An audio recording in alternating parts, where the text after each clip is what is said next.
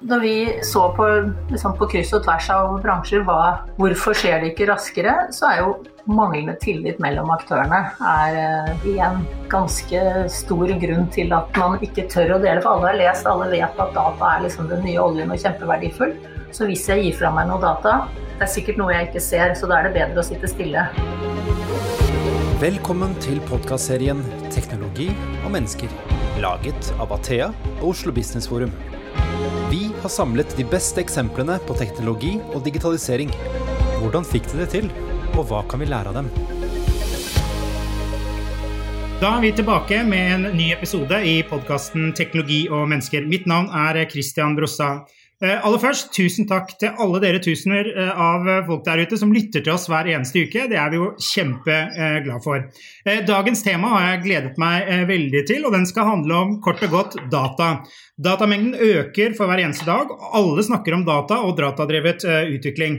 Og skal man lykkes fremover, må virksomheter både innenfor privat og offentlig sektor klare å utnytte data for å skape gode kundeopplevelser, nye tjenester og ta bedre beslutninger. Og det er også mange initiativ innenfor dataområdet. Blant annet så kommer regjeringen denne våren med en stortingsmelding om datadrevet økonomi og innovasjon. Men hvordan står det til i Norge innenfor eh, dette området? Og det er det vi skal snakke om eh, i denne episoden. Vi har med oss to fantastiske gjester, og vi sitter på tre forskjellige steder, så dette blir jo eh, kjempegøy å se hvordan vi får til. Det er Ine Oftedal, som er Director of Data Transformasjon i DNB. Og så har vi Alexandra Beck Gjørv, som er konsernsjef i Sintef. Velkommen til dere. Tusen takk. Ja, hvordan går det? Hvordan er livet på hjemmekontor? Jeg ser du har masse bøker bak deg, Alexandra. Ja, Det er for å skape et litt rolig inntrykk i et ellers kaotisk liv. Men eh, jeg syns jo for meg, som jobber med næringslivet i hele Norge og EU og har folk mange steder, så er livet praktisk talt bedre. Det er mye lettere å ha kontakt med mange som er på mange forskjellige arbeidsplasser, og det er mye lettere å få kontakt med kunder og samle mange til å bidra et gyllent øyeblikk med en kunde som trenger å løfte blikket. Mm. Og du da, Ine? Du er normalt på hjemmekontor, du også? Ja, jeg har vært 100% på hjemmekontor siden eh, mars, og jeg elsker det, så jeg skal ikke klage. Mm. Men, men, men altså, jeg ser jo at organisasjonen, vi har 2000 ansatte, begynner å bli skikkelig slitne av å være hjemme. Og jeg er ikke sikker på at det er kreativt nok, men akkurat min jobb er enklere.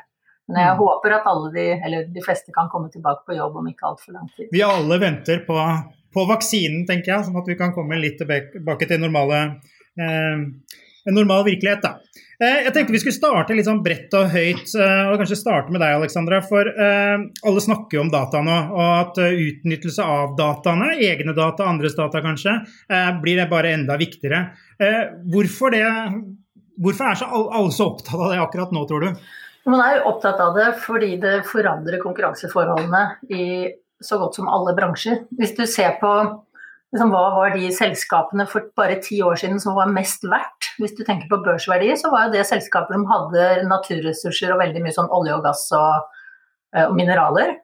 Uh, mens i dag så er jo nesten alle de uh, selskapene som tiltrekker seg investeringskapital, de er basert på at de er motorer som genererer mye data. Så Apple, Amazon og Google. Apple er i dag fire ganger, fire og en halv gang så mye verdt som Exxon Mobil var for bare ti år siden. Så det er en vanvittig endring av hvor pengene og investeringsmusklene går. Og det kommer til å påvirke ikke bare de forbrukerorienterte bransjene som vi har sett, med media, telekom, bank og sånn, men også shipping og sykehus og øh, kraftnæringen. Fordi det blir andre forventninger, og så er det en kamp om kapital, rett og slett. Så man må liksom kaste seg på denne bølgen, tror jeg. Ingen kan sitte stille. Mm. DNB, Ine, har også kastet seg på bølgen. Eh, og dere jobber jo med, med altså systematisk med kundedata bl.a. Og du har jo vært veldig aktiv har vi sett i mediene i løpet av eh, pandemien. Så eh, for å si noe om eh, kundeatferd, endringer da, eh, som er skapt basert på kortbruk. Da. Ja, Siden mars så har jeg leda arbeidet som går på å analysere hvordan kunde, næringsliv, bedrifter, samfunn lar seg påvirke, både direkte og indirekte, av koronapandemien. Så det jeg jobber mest med, det er kort data, altså både fysisk handel, netthandel, alt av det som skjer over app. Og så prøve å snekre sammen det store bildet og se på hvordan vi påvirkes, hvordan trendene utvikler seg, og på den måten bidra med et form for kart og kompass da, til de som eh, har det litt ekstra tøft i krisen og er veldig sultne på alt av eh, informasjon. Og det, det, finnes jo, dere har jo masse, Vi skal ikke gå inn i hva du har funnet, for så vidt, men uh, det er, det er, litt fascinerende. Man har brukt i hvert fall under pandemien, har brukt mobildata for å se på bevegelser i befolkningen. Og dere har brukt egentlig kortdata for å sjekke eh, hvor mye man kjøper, hvor man kjøper, kjøper man mindre og alle de tingene der. da. Så det er jo eh, data dette også, selv om kanskje det er i en enklere form da, Alexandra, enn det du kanskje har jobbet med i, uh, i de uh, komiteene du har sittet i. da. Nei, men Det jo det å liksom forstå hva forbrukere faktisk trenger, er jo en enormt viktig del av datatransformasjon. Og det kan du få du trenger ikke å gjette og gjøre kundeundersøkelser. Du kan se og ut fra stordatamønstre på f.eks. handling, da, så vil du veldig fort kunne gjette hva kunden trenger. Og det vil kunne påvirke f.eks. hvor fort du kan levere, fordi du egentlig kan skipe produktene før du har fått ordren, fordi er, du er rimelig sikker på at den kunden kommer til å bestille det. Altså, og du kan helt sikkert koble sant, værmeldingen og historiske kundedata, så vet du hvordan ting går. Så enormt mye av verdens talent i dag jobber med å forstå kundeatferd. Eh, mm. Det er ikke alltid jeg tenker at alle de altså, Man kunne ha litt flere smartinger som jobbet med å løse klimaproblemet og gjøre, liksom, løse kreftgåten også, men det er helt klart at det er dit talentene trekkes i øyeblikket. Og det må vi i næringslivet, altså liksom i industrien, i eh, ja, den produserende delen av næringslivet i Norge, er jo veldig ofte business to business, som leverer råstoff eller liksom, bearbeidede produkter. Men det å forstå at kunden kommer til å forandre seg så mye i fremtiden, det, er noe jeg er veldig opptatt av at hele næringslivet må liksom skjønne sluttbrukerens behov. Og det har jo da data. Mm, og Der kan jo jeg kaste meg litt på, for når vi snakker om verdien av data sånn DNB og, mange andre har jo gått gjennom en endringsreise. Vi over mange år la ned en god del bankkontor fordi vi har ikke det samme behovet for å møte kundene fysisk. De aller fleste av kundene trekker over på nett. Men da kommer det jo nye utfordringer. Hvordan skal man lytte til kunden da, når man ikke treffer de fysisk? Og da er jo datasvaret og kundeatferd, som Alexandra tar opp, det er det at vi må lytte gjennom andre typer kanaler. Kundene snakker til oss når de trekker kortet, de snakker til oss når de beveger seg på nettbanken, selvfølgelig hvis de ringer inn til kundesenteret, men det er å pusle sammen et stort bilde basert på data, heller enn at kunden setter seg ned foran en kunderådgiver på et bankkontor og sier 'jeg trenger dette og dette fra dere som bank'. Eller bedrift, det her gjelder jo veldig mange. Mm. Uh, Én ting er jo å utnytte egne data, og i hvert fall de erfaringene eh, vi har som selskap. I det selskapet jeg jobber i, så er det jo ganske mange som ikke evner å gjøre det eh, engang. Eh, men deling av data gir jo enorme muligheter. Det å liksom bruke andres data. Og En rapport fra Menon antyder at potensialet for det de kaller da databasert verdiskapning kan nå 300 milliarder kroner i 2030. Så er det kanskje litt eh, ja, Vi, trenger ikke å diskutere, eh, diskutere tallet, kanskje. Men er dette mulig å få til i Norge, Alexandra? Dette økosystemet med, med, med datalaker, eller hva man kaller det? da? Ja, det er jo mulig. Jeg ble jo faktisk spurt om å lede et eh, offentlig utvalg i forbindelse med den stortingsmeldingen som du snakker om. Og det var, en, det var gøy, for det var en gruppe med noen veldig sånn erfarne og dyktige gründere, og så var det en del som jobber i klynger rundt omkring i landet, liksom, og helseforetak. Bredt sammensatt gruppe. Og vi sa at liksom, oppdraget vårt var hvordan skal vi få til deling av data. Men vi sa vel deling av data er jo liksom Det er et middel. Eh, man tar et skritt tilbake. For å få verdiskaping så må man først ha mange nok som ser det bildet av verdipotensialet som vi begynte å snakke om. Og det er ganske vanskelig å forstå. Og så er det en del barrierer, nemlig tilgang til data som er bearbeidet, klargjort på en måte som gjør at du kan bruke kunstig intelligens til å se nye mønstre, til at du kan ta frem nye produkter. Eh, det er et stort fag. Så kompetanse Altså Norge har ikke mange nok eh, folk med datavitenskapelig bakgrunn på toppnivå, i tillegg til at det er et sånt videreutdannings... Liksom, Hvermannsen som jobber i en bedrift må kunne mer om data om ti år enn i dag. Men det er også behov for ganske mange spesialister. Og så er det en del med kapital og juss, hvor vi i Europa faktisk stiller dårligere, eller våre personvernregler og våre konkurranseregler i Europa gjør at det er vanskeligere å få til de store liksom Amazon og Google-type selskapene. Men ja, og da tror jeg at man må se i bransje etter bransje. Så et eksempel er byggenæringen. Da. Det var klart at med norsk, liksom, norsk avansert byggenæring, god på klimapåfristelse liksom, front der, der vil for det første aktørene selv kunne bli mye bedre til å utnytte sine egne data til å spare strøm og optimalisere areal og logistikk og det hele. Og så i byggeprosess og vedlikehold er det jo et enormt sammensurium av aktører som i dag har en forretningsmodell hvor de skal prøve å få en pris, og så skal de gjøre så lite som mulig innenfor. Mens ved data så kunne man ha mye mer prestasjonsstyring og dermed rett og slett få få gjort byggeprosjekter mer effektivt. Man kan ha mye mer effektiv drift og vedlikehold ved samhandling. Og så kan du utvikle en leverandørindustri knyttet til å utnytte sånne data til å gjøre tjenester som man ikke vet i dag at man trenger i morgen. Det er jo det som skjer med disse. Ingen visste at de trengte Yr og mm. eh, ja, alle mulige app-baserte tjenester før du før noen faktisk har tro på det og utvikler det. Her kan jo jeg hoppe inn. Jeg deltok i en eh, parallell ekspertgruppe eh, ledet av IKT Norge, som òg ga innspill til samme stortingsmeldingen.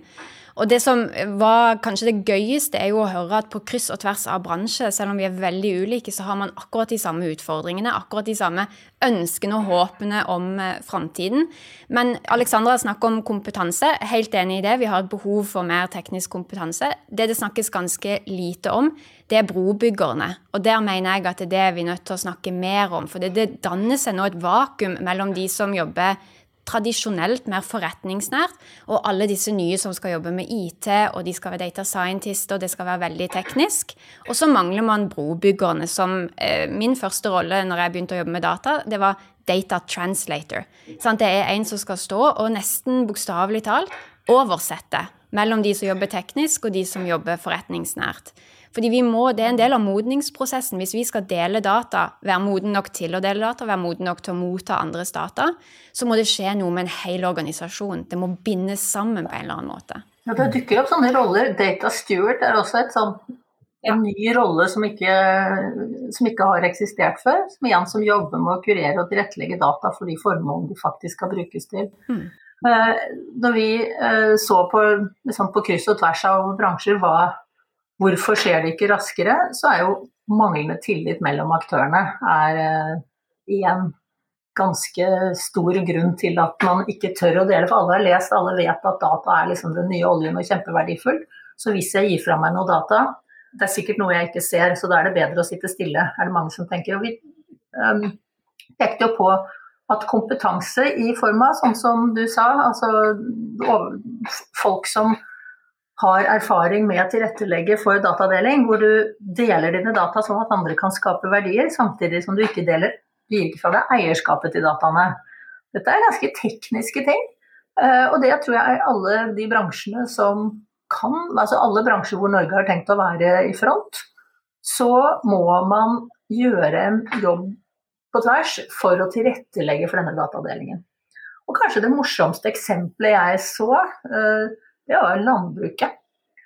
Som jo består av ufattelig mange bønder og noen store organisasjoner som på en måte må samhandle på tvers av offentlig og privat sektor for å, uh, ja, for å gjøre landbruket mer konkurransedyktig, og for å samhandle om f.eks. å få ned klimafotavtrykket på kjøttproduksjon eller melkeproduksjon i Norge. Og da er det helt umulig for en bonde, helt umulig for Nortura å få gjort noe med det. Men hvis de får til et økosystem som samhandler, så kan vi løse veldig mange samfunnsutfordringer, i tillegg til å skape mye aksjonærverdier da, for, for, for, de bedriftene som er på den private siden. Mm. Så det er, det er, ikke bare businesspotensial, det er liksom et stort samfunnspotensial. Ja, og jeg jobber jo nesten utelukkende med deling av data. For min del vil jeg vel tørre å påstå at det aldri har stoppa opp på tillit. Det det stopper opp på, det er den enorme ressursbruken på å navigere i, eh, i altså, lover og regler og, og, alt av GDPR og, eh, og det som nå kommer inn. Eh, det er et regelverk som ikke er det enkleste å tolke. Så det juridiske rammeverket det brukes det enormt mye tid på. Det er der det stopper opp for, eh, for oss. Ikke nødvendigvis loven i seg selv, men, men, rett og slett har vi sett på alle vinklinger, har vi tolka det riktig? Og til slutt så er det enklere å si at eh, vet du hva, vi legger det dødt, vi fokuserer på egne data mm. først og fremst. For det er jo Alexandra, en helt ny måte å tenke på. Du skal fra liksom være liksom beskyttende med deg selv og dine egne ting, til å tenke økosystem, samarbeid, deling. Det er jo et helt annet mindset. Er vi man skulle kanskje tro da, I Norge så er vi jo liksom veldig sosialdemokratiske og vi er opptatt av, eh, av, fellesskapet. Er det en fordel for oss når vi skal liksom få dette til som nasjon? Ja, jeg tror jo det absolutt er en fordel. Og vi har liksom muligheter. Vi er et passe stort land. Vi klarer å samle oss eh, om store løft. Altså, vi bare se hvordan plutselig er det nye bransjer som dukker opp som paddehatter. Så jeg er ganske sikker på at vi kan få det til. Men, men det problemet som du peker på, altså mangel på klarhet rundt det juridiske, er en kjempeutfordring. Og, og det vi anbefalte var jo både at staten må på en måte investere i mer folk på dette området innenfor tilsyn og liksom på myndighetssiden, men også på rådgivningskontorer som gjør det. Altså DNB har sikkert i søk og Kava av egne eksperter. Så når dere også ser det som vanskelig, så er det jo vanskelig. Da kan man jo tenke seg hvordan SMB-segmentet har det. Men dette med tillit er, er en kjempeutfordring. F.eks. jeg snakker med ledere i oljebransjen, og aldri har det vært snakket så mye om datadeling i Norges mest ressurssterke bransje. Men det sies jo at aldri har man delt så lite data. Uh, så det er uh, og, og, og, jeg tror jo liksom, En av de uh, Det er jo et race liksom, med hvilke plattformer skal man innenfor industrien. Liksom, skal, vi, skal, vi, ha én plattform for hele industrien, eller skal vi ha vår egen, egen datalek hvor vi jobber med våre leverandører? Sånne spørsmål sitter alle og river seg i håret rundt. Uh, og jeg tror uh, det er helt klart at bank- og medienæringen har kommet mye, mye lenger. Uh, men de, i hvert fall vet jeg fra media, de jo, slår jo da både inn i inn i personvernreglene, GDPR, men også konkurransereglene. Google er så stor og har så mye penger at de kjøper bedrifter innenfor ethvert segment. Også hver gang du trykker aksept på Googles nye oppdaterte betingelser, så gir du samtidig samtykke til å dele med alle deres datterselskaper. Mens de norske aktørene kan ikke dele uh, seg imellom, selv innenfor et konsern. Så dette her ja, Det blir litt teknisk, men det er mye technicalities man snubler på. Så, så jeg er jurist og, og, ser jo at her, her er en av anbefalingene også at juristutdanningen bør være mer teknologisk orientert. Dette er på en måte et veldig vagt felt for de fleste jurister, og det å få opp kapasiteten på, personen, på, på juridisk kompetanse som har peiling på dette, og, og også jobbe mot uh, at EU skal få gjennomslag for en del av sine synspunkter på, uh, på rettferdig konkurranse innenfor dataområdet, er, uh, er, helt avgjørende for europeisk konkurransekraft i fremtiden. Men det skal ikke være noe hinder for at for at man setter i gang og jobber helt konkret først og fremst med å utnytte egne data, men også med å dele med de der naturen. Og det er musikk i mine ører Alexandra, at uh, jusutdanningen skal være mer retta mot teknologi. Altså, vi har jo den type eksperter i DNB som er en sånn blanding av at de har masse teknologiforståelse i tillegg til juridisk bakgrunn, og de er, de er verd sin vekt i gull. Altså, de er helt essensielle for det arbeidet som vi mm. gjør. Men det bryter jo litt med tradisjonen. og vi ser jo nå plutselig at det er en del nye aktører som ønsker å gi juridisk utdanning. og Deler av meg som liksom klassisk jurist tenker at oh, men man må jo være kjernejurist, men dette er et så transformerende område at det er mulig at man eh, må dele opp jusutdanningen for å kunne henge på samfunnsutviklingen. Eh, Alexandra, du, eh, som du nevnte tidligere, så satt jo, du ledet jo faktisk denne ekspertgruppa eh, for datadeling i mm. næringslivet. Eh, og nå kommer det jo da en stortingsmelding. Eh, tør du å spå hva som kommer i den? Jeg tror, jeg håper i hvert fall at, eh, at det kommer til å komme et ganske sterkt pålegg overfor det offentlige til å utvikle datadelingsstrategier på sine områder. Eh, noe som heter eh, OPS, offentlig-privat samarbeid.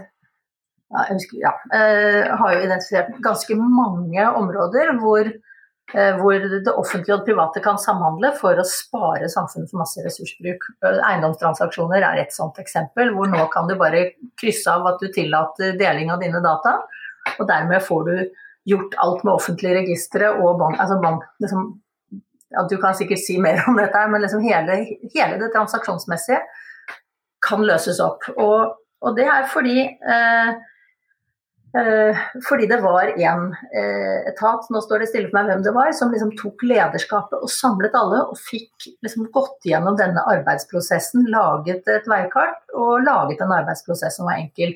Et annet, man har identifisert et område man kan spare like mange milliarder, det er oppgjør ved dødsfall. Men der er det egentlig ingen som har ledertrøya. Som har prøvd å si at domstolsadministrasjonen skal gjøre dette, men de driver jo med rettssikkerhet og helt andre ting.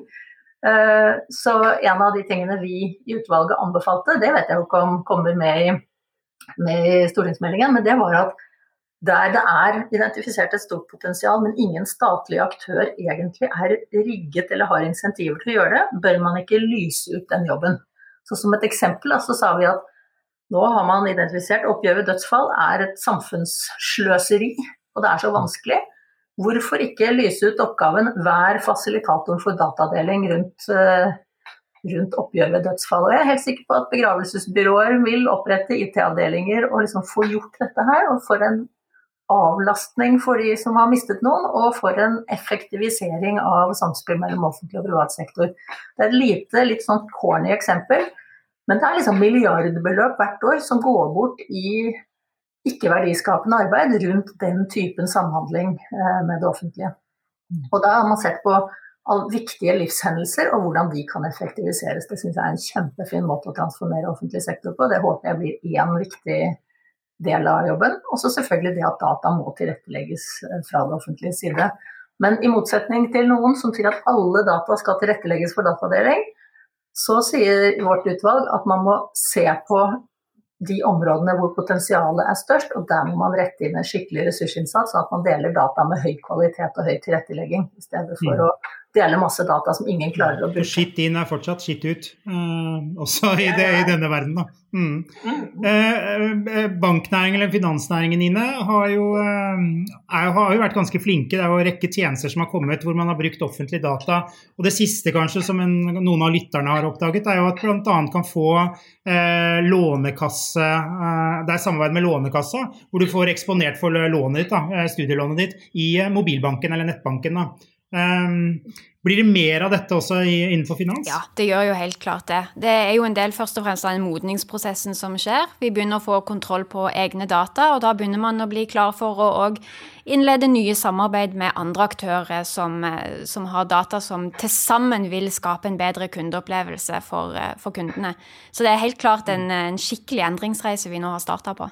Eh, begge dere har uh, nevnt et sånn nøkkelord. da, fordi Skal vi få til denne transformasjonen og, liksom lage noe som kan konkurrere med, med de som har litt andre forutsetninger enn oss, da, det er jo kompetanse. og du har jo sagt eh, haug med ganger, Alexandra, eh, og det blir, blir, ikke noe mindre viktig av det, da, men eh, at kompetanse er en viktig eh, forutsetning for å lykkes med datadeling.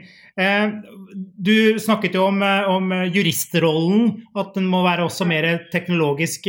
Men er det, hva mener du egentlig? Hvilken kompetanse er det vi snakker om? Oh, det er, det er, ja, det er, hvor skal jeg starte? Altså, for det første så er det jo uh, lederkompetanse til å stille de fornuftige spørsmålene om liksom, muligheter for transformasjon.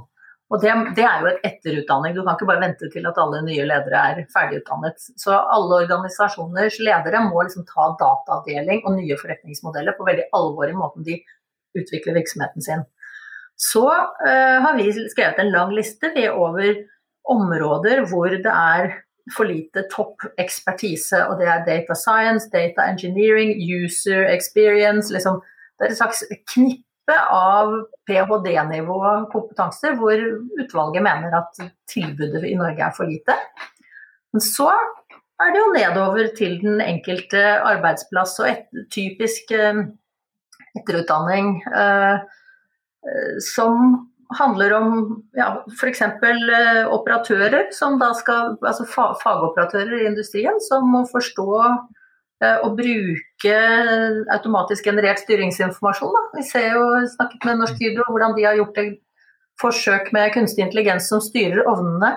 Og det er jo veldig veldig mye bedre stabilitet i de prosessene enn når erfarne folk sitter og sitter og mekker. Og da må de erfarne folkene da bruke sin kompetanse til å gjøre robotene enda smartere.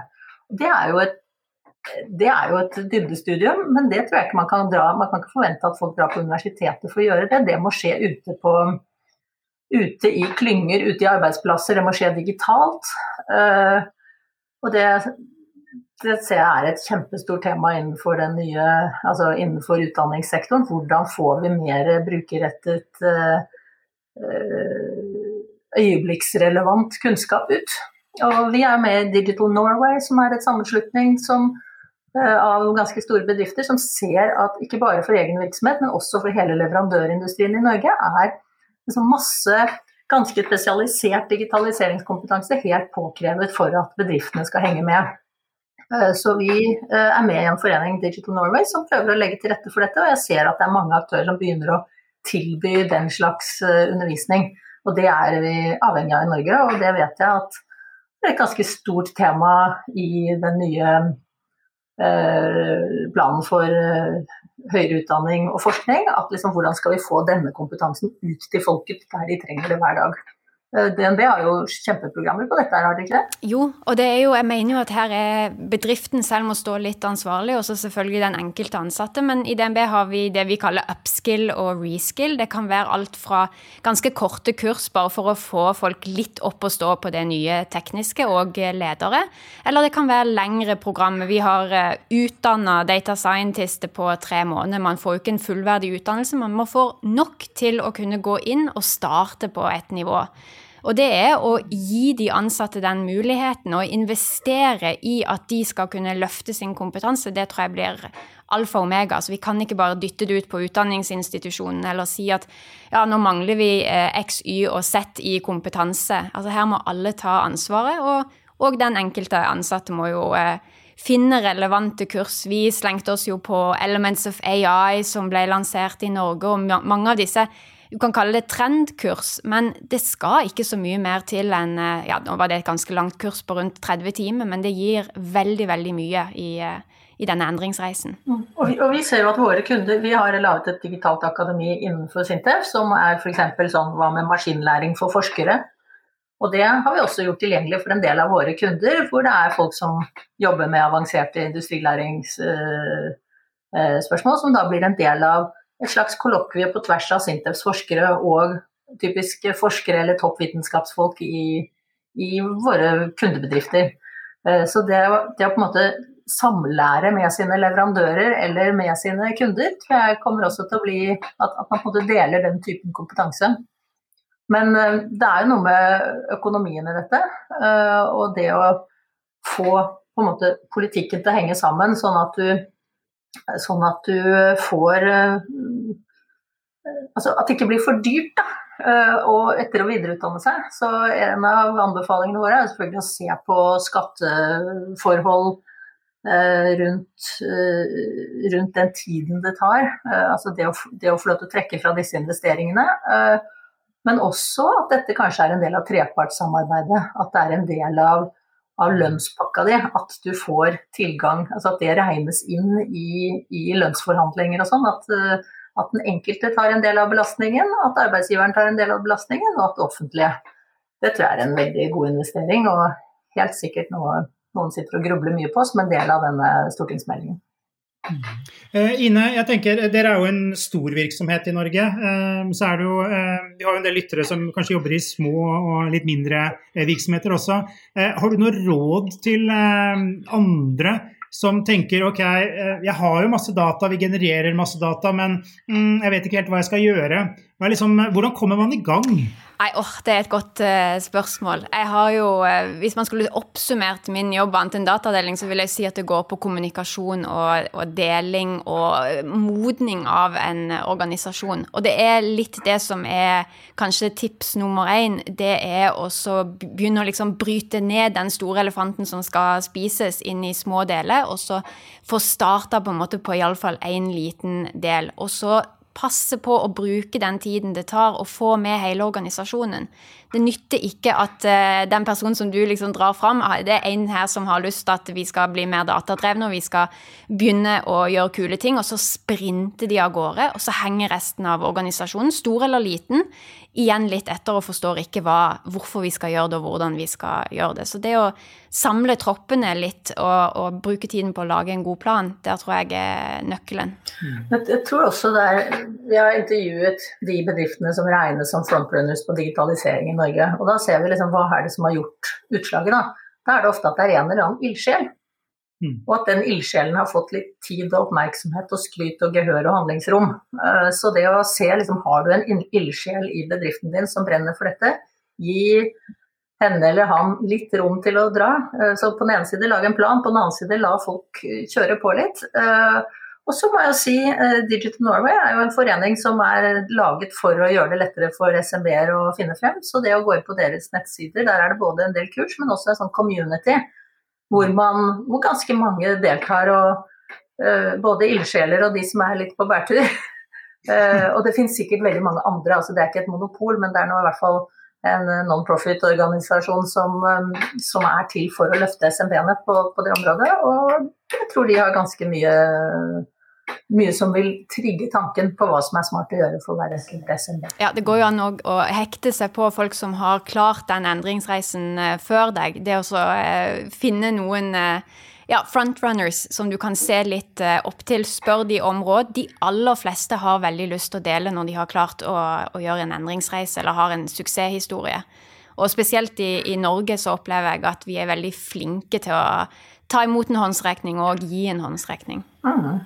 Mm. Jeg merker at det er blitt en veldig sånn pay it forward-kultur. at uh, jeg tror at mange har tatt inn over seg at digitaløkonomien er en nettverksøkonomi. Så det å være grei og investere litt i noen som trenger hjelp, det vil lønne seg rundt neste sving. Liksom. Det, sønnen min er mer sånn ungdomsbedrift på videregående og la ut noe på nettet. Og da var det en vellykket gründer i mitt nettverk som tok kontakt med ham og tilbød seg masse hjelp. Det syns jeg var utrolig rørende. Mm. Eh, så det er en kulturtrend vi må dyrke og heie på. Ja, men altså Når jeg selv blir spurt om å gi råd eller gi hjelp, så syns jeg jo det er kjempestas. Altså Det er jo så gøy mm. å dele hvis man har klart å knekke en kode eller gjøre noe bra. Så det tror jeg må jo bare oppfordre til videre. Så det er viktig råd faktisk da, til alle de som lytter på at uh, vær litt proaktiv, søk opp, snakk med andre, samarbeid, uh, hjelp uh, ikke minst andre. da. For det er en sånn uh, fremdeles uh, Man kan få et inntrykk da når vi har episoder om data, liksom at ja, ja, det, det, er viktig og du må være datadrevet, men det er litt vanskelig å komme over den første kneika, da. Som mm. Ja. Hva er deres viktigste råd, Alexandra, når dere snakker med kundene dere som jobber med disse tingene? Hva, hva, er det du vektlegger når du er i samtale med, med de? Ja, altså jeg, jeg, vektlegger jo da punkt én, se om du har noen ildsjeler rundt deg, og lytt til dem og bruk tid på dem. Uh, punkt to, uh, orienter deg liksom i hva, hva fins det liksom, Tenk over nye forretningsmodeller, da. Uh, hva finnes det av ineffektiviteter i det du holder på med, eller muligheter i det du holder på med som kunne vært løst hvis du hadde tilgang til bedre data? Uh, og så er det jo selvfølgelig sånn hver, hver enkelt uh, sektor, kundesektor vi er uh, inne i, er forskjellig. Men rådet er jo alltid hvis du ønsker å bli god til å dele data, så må du bli god på dine egne data. Godt råd. Eh, vi skal gå inn for landing, men jeg har et stort spørsmål. Da. Vi har jo hatt få store spørsmål. Eh, hva tror dere om fremtiden? Hva, hva blir det neste, liksom? Det antageligvis blir det bare mer av det vi snakker om, men eh, hvor er det dere ser Eh, ting går. Kanskje Ine først? Ja, jeg pleier jo å si at man har to måter å jobbe med data. Enten så kan man gå fra data til verdi. Da ser man på de dataene man selv har, og så prøver man å finne hvordan kan man skape verdi ut ifra de. Og den andre måten er motsatt, da, fra verdi til data. Du begynner å tenke hva er viktig for oss å skape verdi, og hva slags data trenger vi. Og det er det skillet jeg tror vi begynner å nærme oss og forhåpentligvis vil se mer av i framtiden. At vi får kontroll på egne data, vi begynner å bruke de på en effektiv måte, og så kan vi skifte det fokuset og begynne å tenke ok, men hva er det for en verdi som er viktig for oss? Og trenger vi da andre typer data? Så et, et større samarbeid og en større datadeling. Og så er det jo en hurtigdigitalisering ganger 1000 akkurat nå. Så vi gjør oss erfaringer i et tempo som er, det er jo forrykende. Og det tror jeg vil tvinge mange òg til å måtte ta i bruk data på en helt annen måte enn det de kanskje hadde sett for seg for et år siden. Alexandra, hva er dine tips for fremtiden? Nei, jeg tror at det, det kommer til å komme et ganske raskt tog av at alle verdikjeder kommer til å digitaliseres. Så shipping, transport f.eks. Eh, og hvis man ikke er med der, så har man alvorlige problemer. Så det må man på en måte investere i og forstå.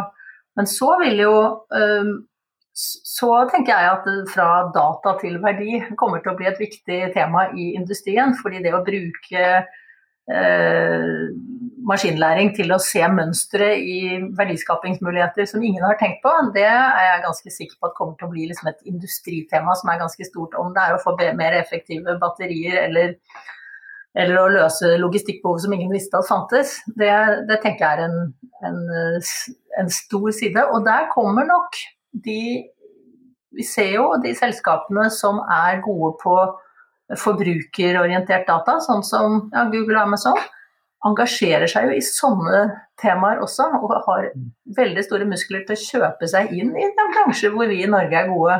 Så jeg er jo veldig opptatt av den industribasen vi har, at den må komme opp på hesten på datadeling.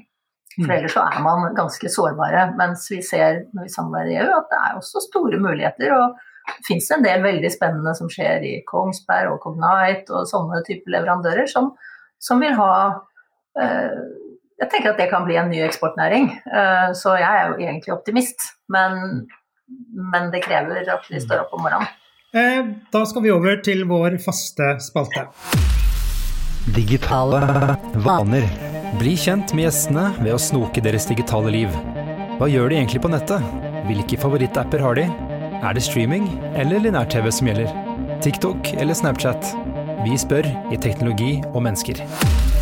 Da skal vi eh, snoke litt i eh, gjestenes private digitale liv. og Det er også to alternativer, og dere skal velge ett av dem. Starter med deg, Alexandra. Digitale eller fysiske møter? Digitale. Digitale, faktisk. Den pleier vi vanligvis ikke å få. Uh, Ine? Digitale, helt klart. Alexandra, Instagram eller TikTok? Jeg er jo mest på barnas TikTok, så det blir TikTok, da. Så bra. Ine? Insta. Insta, ja. Er det noen av dere som har kommet dere på Clubhouse? Du, Jeg venter fortsatt på at noen skal invitere meg inn, men jeg står på venteliste. Jeg har noen invites jeg kan sende til deg. Åh, oh, ja, takk. Jeg sender til deg òg, altså, Alexandra. Ja, gjør det, men forvent ganske lite. Eh, det siste, emoji eller tekst, Alexandra? Nei, det er tekst. Ja, jeg må være enig der. Ja, Dere spriter opp med en uh, smiley eller noe sånt, da? Yes. Det siste. Ringe eller sende meldinger? Alexandra? Ringe. Ringe. Ringe. Ja. Ringer dere mer nå enn før? Ja. ja.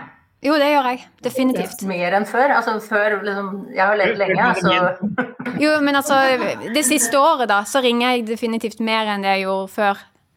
Det er en fin måte å sjekke litt inn om folk fortsatt har det greit. Mm. Veldig bra. Uh, Ine Alexandra, tusen takk for at dere kunne være med, og tusen takk til deg som har lyttet på. Du har nå lyttet til Teknologi og mennesker, laget av Athea og Oslo Business Forum.